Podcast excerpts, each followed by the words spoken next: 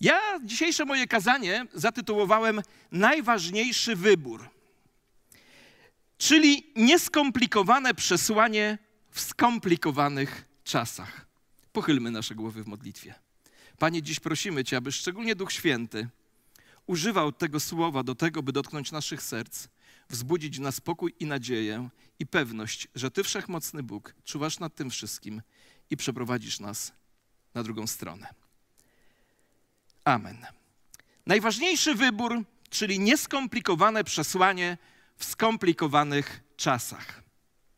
Zacznę od Bożego Słowa, a wy go uważnie posłuchajcie. Bóg mówi, e, prorok Izajasz mówi tak: Człowieka polegającego na tobie zachowujesz w doskonałym pokoju, bo tobie ufa. Posłuchajcie raz jeszcze. Tam, gdzie czytam Tobie, to jest mowa o Bogu. Posłuchajcie raz jeszcze tego słowa. Człowieka polegającego na Tobie zachowujesz w doskonałym pokoju, bo Tobie ufa. To słowo z księgi Izajasza ja chciałbym dzisiaj uczynić mottem mojego przesłania. Szczerze mówiąc, nie chcę się dzisiaj wymądrzać, bo myślę, że to nie jest czas na wymądrzanie. Jeśli chcecie poczytać o wymądrzaniu, Facebook, ale nie zachęcam do tego. Nawet wam powiem, jaką myśmy decyzję w kościele pod, podjęli, taką ze starszymi, że jak ktoś przysyła jakąś, jakiś artykuł, jakąś informację o koronawirusie, o tym, co się dzieje, to powiedzieliśmy sobie poprzeć ją najpierw budującym fragmentem Bożego Słowa, potem wstaw tę wiadomość i zakończ budującym fragmentem z Bożego Słowa. Zróbmy taką kanapkę. Słowo Boże, Słowo Boże, a w środku farsz. Będzie lepiej strawne i będzie lepiej przefiltrowane. To tylko taka dygresja. Dlatego nie chcę się dzisiaj wymądrzać, bo jak już mówiłem, to nie jest czas na mądrzenie się. Ale powiem wam, że ja sam chciałbym osiągnąć doskonały pokój, o którym czytałem w tym fragmencie z księgi Izajasza.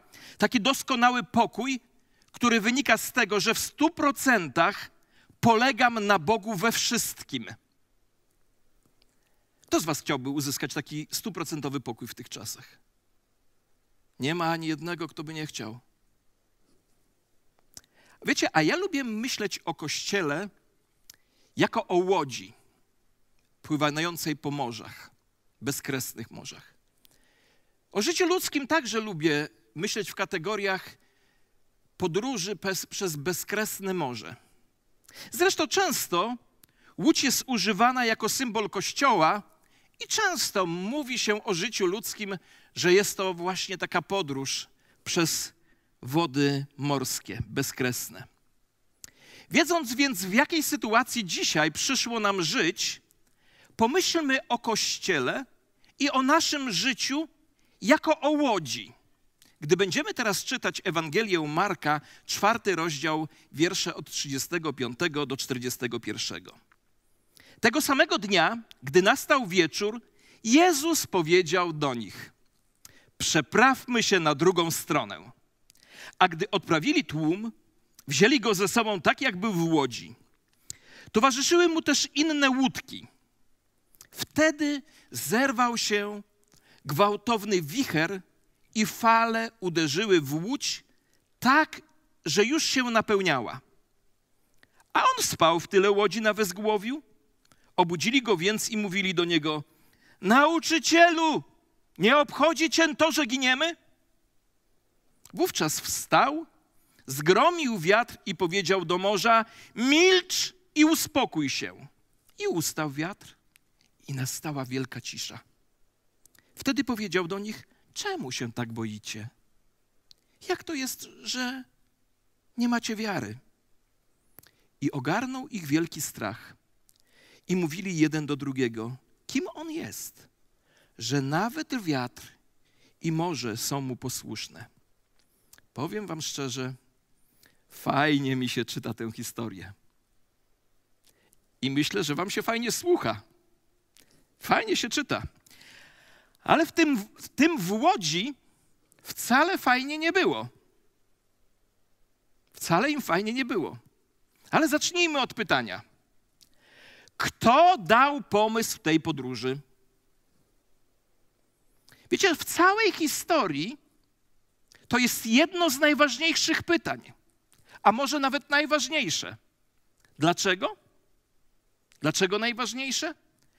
Bo odpowiedź na to pytanie to sedno tej historii. Czyim pomysłem było, żeby wsiąść do łodzi? Powiem wam tak. Szczerze mówiąc, gdybym ja był wtedy w łodzi, na pewno, choć znając odpowiedź na to pytanie, kąśliwie, jeśli oczywiście strach by mnie nie sparaliżował, rzuciłbym głośno w eter, w powietrze, z wyrzutem w głosie i ze wskazaniem niewerbalnym na winnego tekst. Czyj to był pomysł? No dobrze. W tekście znajdźmy odpowiedź na to pytanie. Posłuchajcie. Kiedy nadszedł wieczór, pod koniec pełnego Bożych cudów długiego dnia służenia ludziom, gdy byli solidnie zmęczeni dawaniem samych siebie innym, Jezus powiedział: Przeprawmy się na drugą stronę. Powiem wam, że myślę, że gdy usłyszeli to polecenie, ucieszyli się. Tu nad brzegiem tłum był wszędzie. Oni przyszli posłuchać najlepszego nauczyciela. Chorzy przyszli, aby być uleczonymi, przerażeni przyszli, żeby szukać nadziei. Ludzie ciągle przybywali z godziny na godzinę, z dnia na dzień. Oni chcieli usłyszeć Jezusa.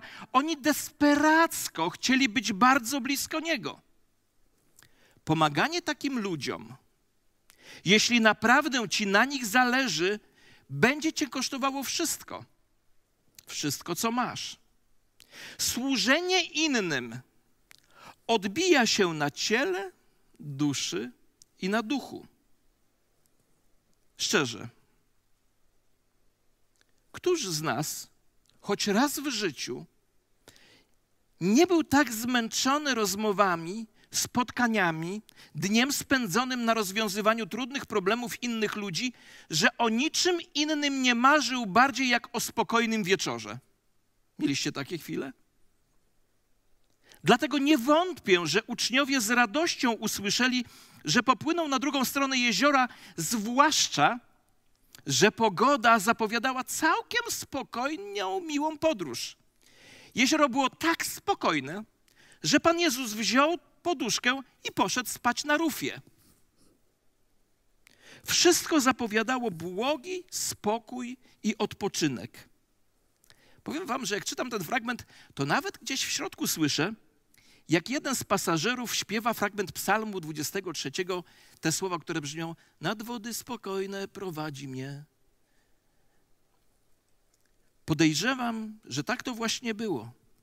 I posłuchajcie, nagle świst, nagle gwizd, fale buch, łódka w ruch, a miało być tak pięknie. A tu woda zaczęła napływać do łodzi szybciej niż mogli ją wylewać.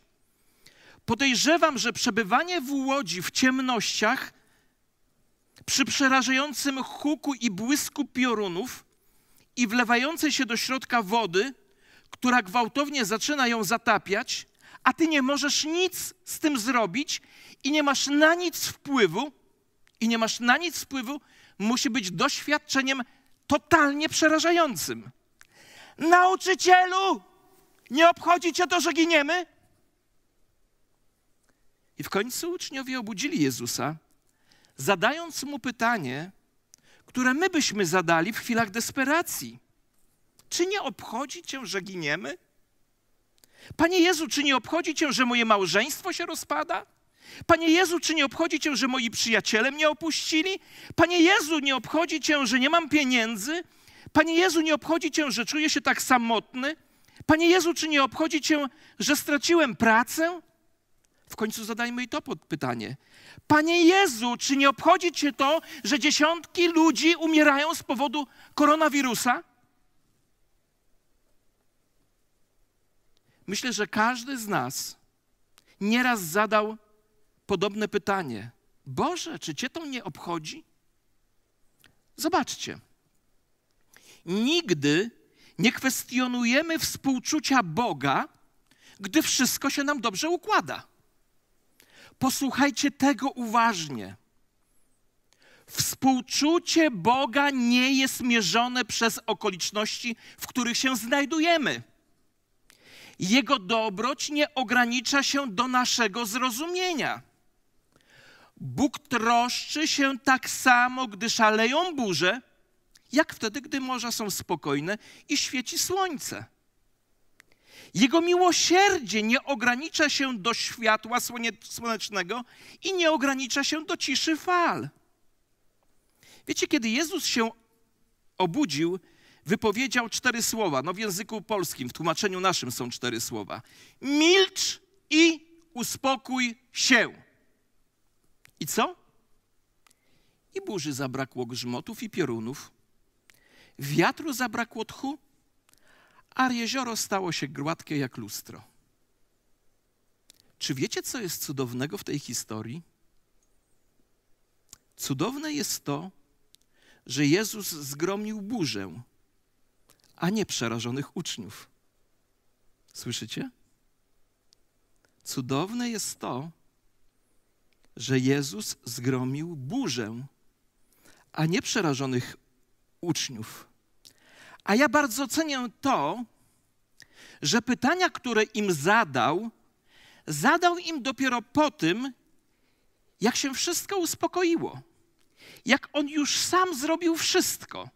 Wówczas po prostu zapytał: Czemu się tak boicie? Jak to jest, że nie macie wiary? Powiem wam, wprawdzie Biblia nie opisuje tonu głosu Pana Jezusa, ja jednak trochę go znając, myślę, że zapytał tak: Czemu się tak boicie? Jak to jest, że nie macie wiary? Te pytania Jezusa i obecna sytuacja z koronawirusem, ale też inne moje sytuacje życiowe, z którymi przyszło mi się zmagać, prowadzą mnie do takiej oto refleksji. Posłuchajcie uważnie, bo to jest jedna z ważniejszych refleksji. W takich chwilach, gdy dzieją się rzeczy, których nie kontrolujemy. Uczniowie, a także ja, i zapewne my wszyscy, boimy się, ponieważ jesteśmy ludźmi przyzwyczajonymi do kontrolowania życia. Przemyślcie to. Uczniowie, a także ja na pewno. I myślę, że my wszyscy boimy się, ponieważ jesteśmy ludźmi przyzwyczajonymi do kontrolowania życia. Ci ludzie w łódkach oni wiedzieli, jak radzić sobie w trudnych sytuacjach na jeziorze. Nie było wśród nich słabych. A jednak, gdy znaleźli się w sytuacji zagrażającej życiu, na którą nie mieli wpływu, ich wiara zamieniła się w strach. Dlatego Jezus po prostu ich pyta: Czy nadal nie macie wiary? Posłuchajcie tego uważnie. Ja mówię dzisiaj o bardzo kluczowych rzeczach choć w prosty sposób, mam nadzieję. Gdy nie rozumiemy do końca kwestii tego, kto, wszystko, kto to wszystko kontroluje, to nasza wiara zamienia się w strach. Posłuchajcie tego raz jeszcze. Gdy nie rozumiesz kwestii dotyczącą tego, kto wszystko kontroluje, to wówczas wiara zamienia się w strach. Czy nadal nie masz wiary? Pamiętajcie, że Jezus ich o to pyta po doświadczeniu, jakiego nigdy wcześniej nie mieli. Wiecie, będę z wami boleśnie szczery. Gdyby Jezus mnie zapytał, czy w obecnej sytuacji, Krzysztofie, masz wiarę, czy wiecie, jaka byłaby moja szczera odpowiedź? Naprawdę szczera. Panie Jezu, i tak, i, i nie. Mam wiarę w Jezusa. Naprawdę w Niego wierzę. Ale moja wiara, choć prawdziwa, tak jak wiara uczniów, nie jest jeszcze dojrzała, nie jest jeszcze doskonała, jest wzrastającą wiarą. Muszę więc zadać sobie pytanie, zwłaszcza dzisiaj. Jak więc zdobyć wiarę, która pozwala przetrwać burzę życia? I powiem Wam szczerze, Jedyną odpowiedź na pytanie, które brzmi, jak zdobyć wiarę, która pozwala przetrwać w burzę, jaką znam, jedyną odpowiedzią, jaką znam, to wsiąść do łodzi z Jezusem i płynąć z Nim dokądkolwiek On chce ze mną dotrzeć. Jak zdobyć wiarę? Wsiąść do łodzi z Jezusem i płynąć z Nim dokądkolwiek On chce ze mną dotrzeć. Jeden z moich ulubionych mówców tak to podsumował. Tam, gdzie nie ma burz, nie ma niebezpieczeństwa. Tam, gdzie nie ma niebezpieczeństwa, nie ma strachu. Tam, gdzie nie ma strachu, nie ma też testów. Tam, gdzie nie ma testów, nie ma nauki. Tam, gdzie nie ma nauki, nie ma wzrostu. A tam, gdzie nie ma wzrostu, nie ma wiary. A posłuchajcie teraz wersji skróconej. Tam, gdzie nie ma burz, nie ma wiary. Bez burz, bez wiary. Kilka burz, trochę wiary. Wiele burz, wiele wiary. Tak bez skrótów. Tak więc dla nas wszystkich, którzy podążamy za Jezusem, nie ma skrótów na ścieżce duchowego wzrostu. Burze życia nie są objazdem, które nam się przytrafiają, bo gdzieś źle zjechaliśmy z drogi. One nie są błędem, nie są podstępem ani pułapką. Nie są wysłane po to, aby nas zniszczyć. Posłuchajcie uważnie. Nasze burze są wysłane lub dopuszczone przez Boga nie wysłane, lecz dopuszczone. Część jest wysłanych, a część jest dopuszczonych. Czasami na naszą własną prośbę. Są dopuszczone przez Boga po to, aby doprowadzić nas do takiego momentu, w którym zaczynamy wołać do Boga w, w całkowitej desperacji i świadomości, że tak naprawdę On i tylko On może pomóc. Nawet gdy wołamy słowami, czy nie obchodzi Cię to, że giniemy? Czy wiecie, co się dzieje w takich momentach? Kiedy dochodzimy do tego punktu, w którym zdajemy sobie sprawę, że my nic nie kontrolujemy, a On kontroluje wszystko, i zaczynamy do Niego wołać w taki właśnie sposób, czy wiecie, co się dzieje w takich momentach? W takich momentach. Nie przed nimi, ani nie po takich momentach, ale w trakcie takich momentów. Kiedy wydaje się, że woda wkrótce cię pochłonie, a wszystko, co jest ci drogie, zostanie utracone, w tej chwili Pan wstaje i mówi: Pokój, bądź spokojny. Pozwólcie, że powtórzę to jeszcze raz. Kto im powiedział, żeby wsiedli do łodzi? Odpowiedź brzmi: Jezus. To był Jego pomysł przez cały czas. Czy wcześniej wiedział o burzy? Oczywiście, że tak. I powiem Wam więcej. I wiedząc, że będzie burza, kazał im wsiąść do łodzi. Czy ostrzegał ich wcześniej? Nie. Ja jestem nauczycielem i pracowałem w szkole przez dwa lata. Wiecie, czego dzieciaki najbardziej się nie lubią? Ja też w szkole tego nie lubiłem. Niezapowiadanych klasówek, niezapowiadanych testów. Słuchajcie, ja byłem pierwszy, który odwoływał się do karty ucznia. To był jedyny punkt w karcie ucznia, do którego się odwoływałem. Dlaczego on ich wcześniej nie ostrzegł? Nie ostrzegł, ponieważ zrujnowałoby to lekcję, której musieli się nauczyć. Każdy z nas, jak tu jesteśmy dzisiaj, doświadcza wielu momentów, w których czujemy się całkowicie samotni, zapomniani przez Boga, sami zmagający się z życiowymi burzami. Nie da się uniknąć tych chwil czy dłuższych okresów całkowitej rozpaczy. Czasami jest tak, że sami je na siebie ściągamy, dokonując niewłaściwych wyborów. Czasami przychodzą, ponieważ zrobiliśmy to, co Bóg nakazał nam zrobić. Czasami burze życiowe wydają się, jakby przychodziły znikąd. Ale posłuchajcie zakończenia. Posłuchajcie uważnie zakończenia. Bo lekcja, którą dzisiaj chcę zostawić, lekcja, którą dzisiaj chcę zakończyć moje przesłanie, sprowadza się do wyboru, którego musimy dokonać. Lekcja sprowadza się do wyboru, którego musimy dokonać. Bo choć w takich momentach często nie mamy kontroli, to jednak mamy wybór. Pamiętacie, mówiłem, że najbardziej boimy się, przychodzi strach i tracimy wiarę, bo nie mamy kontroli. A w takich momentach, choć często nie mamy kontroli, to jednak mamy wybór. Kochani, posłuchajcie uważnie. Albo wierzymy, że Bóg nad tym wszystkim czuwa i jest w tym wszystkim z nami, albo wierzymy, że Pan nas opuścił i pozostawił nas sobie samymi. Słyszycie? To jest nasz wybór.